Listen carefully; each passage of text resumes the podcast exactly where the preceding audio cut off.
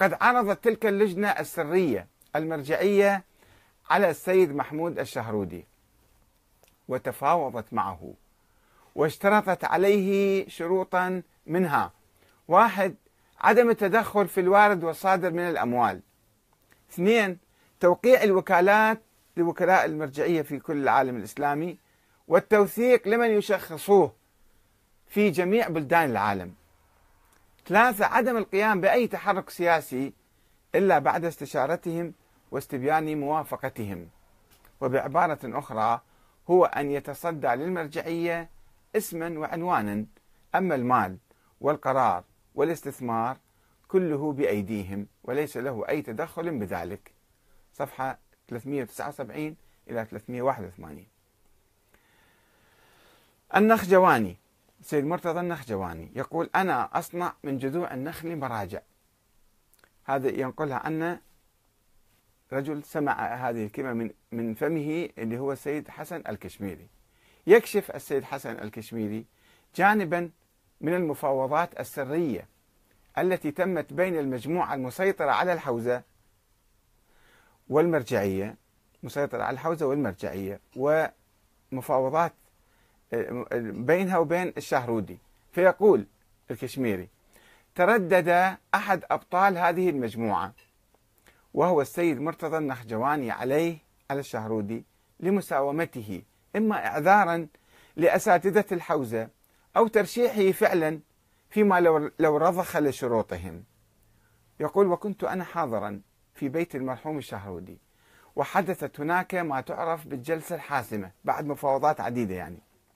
وكان الحضار على ما أتذكر هم واحد الشيخ حسين علي الشيرازي من أساتذة الحوزة. الشيخ علي أصغر الأراكي السيد جواد علي آل علي السيد جواد آل علي صهر السيد الشهرودي الشيخ علامة شهرودي السيد أحمد القائيني الشيخ إبراهيم الجناتي يقول وأيضا والدي المرحوم السيد علي نقي الكشميري الشيخ علي أصغر طبرسي السيد محمد الشهرودي نجل السيد الشهرودي الأكبر. السيد علي الشهرودي نجل السيد الثاني. والسيد محمد سجادي والشيخ محمد حسن الفاضلي النشابوري. وكل هؤلاء من أساتذة الحوزة الكبار. وكنت أنا حاضرا حيث كنت أصحب الوالد رحمه الله ودخل النخجواني. وهو بعصبية وقال للسيد رحمه الله إنها آخر مخاطبة لك. وقد أتعبتنا. ولقد جرى هذا الكلام بالفارسية ولكن أترجمه للعربية كما يقول الكشميري. فهل توافق؟ أم لا؟ فرد عليه السيد مشيرا إلى لقاءات سابقة قائلا يا سيد نخجواني قلت لك لابد أن أعرف كم يدخل من المال وكيف يوزع. ثم صاح, صاح السيد بشدة لقد علمت قبل فترة أن علي ابن الشيخ نصر الله الخلخالي وهو شاب مراهق وغير معمم تعطونه راتب 30 دينارا فبأي ميزان شرعي؟ وحتى الوزير في الدولة لا يتقاضى راتبا كهذا. كان هذا في وقت يعطى المدرس المعيد في الحوزة في النجف الأشرف راتب دينارين ونصف شهريا. ورد عليه النخجواني بأن هذا تعينه اللجنة المختصة. مو شغلك يعني. وهنا صاح السيد بوجهه تريدون مني أن أكون مرجعا بالعنوان فقط وأنتم تتصرفون بما تشاءون فهل هذا مبرئ لذمتي؟ فأجابه النخجواني بصرامة نعم تقبل أو لا؟ فصاح السيد الشهرودي لا بد أن نفكر في, في الأمور. فغضب, فغضب النخجواني وقال يا دهاتي يعني يا قروي باللهجة الإيرانية. كفاك مصاخة. أنت تعلم تماما. أني أصنع من جذوع النخل مراجع. والله سأدمرك. وسأكتب إلى حدائق وإلى محسن زادة وإلى محلات أسماء أشخاص يعني في إيران. ولتعرف ذلك تماما. وهنا أحمر وجه السيد الشهرودي غضبا ورد عليه قائلا. انظر اذهب أنت وجذع نخلتك إلى جهنم. واصنع ما شئت. ولكني أقول لك يمكنك أن تفعل كل شيء ولكن لا تقدر على شيئين وذلك مستحيل عليك. الأول أنك لا تستطيع أن تنزع عمامتي من على رأسي. والثاني أنك لا تستطيع أن تنكر صحة سيادتي وانتسابي لرسول الله.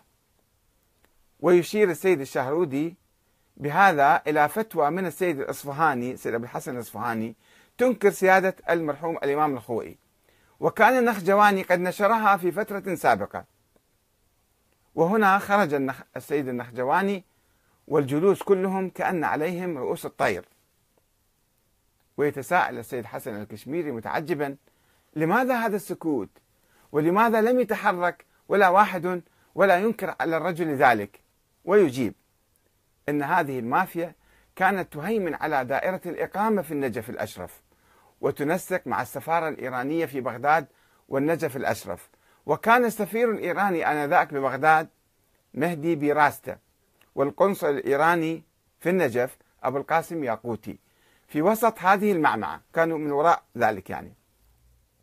ولو كان أحد هؤلاء الحضار عارض هذا الرجل بكلمة واحدة لكان مصيره التسفير من العراق وسحب جواز سفره. وزائدا إنه إذا تم تسفيره إلى إيران لم يسلم من مطاردة رجال السافاك له. لذا سكت هؤلاء القوم ولم ينطقوا بحرف واحد. وأخيرا تم إعلان الإمام الخوئي مرجعا. وبقي السيد الشهرودي هدفا لحملات ودعايات مغرضة حتى توفاه الله. وأصبح السيد مرتضى الخجواني كاتبا ومديرا لمكتب السيد الخوئي. الكشميري جولة في دهاليز مظلمة صفحة 332 هذه بعض أسرار وكواليس المرجعية كيف يتم انتخاب المرجع من بين عدد كبير من المجتهدين؟ هل يتم ذلك بعلمه؟ وصحيح سيد الخوئي كان أيضا مشهور بالعلم ولكن العلم وحده لا يكفي. يحتاج مال ويحتاج إدارة ويحتاج توافقات دولية وإقليمية والذين يعرفونه إلى الناس يعرفون هذا أفضل من ذاك هذا أعلى من هذا. هكذا كان يتم يعني آه، الأمر. وبالتالي هناك يعني ليس كل عالم يصبح وليس كل مجتهد يصبح مرجعا. المرجعية وراءها أسرار وأسرار وأسرار. والسلام عليكم ورحمة الله وبركاته.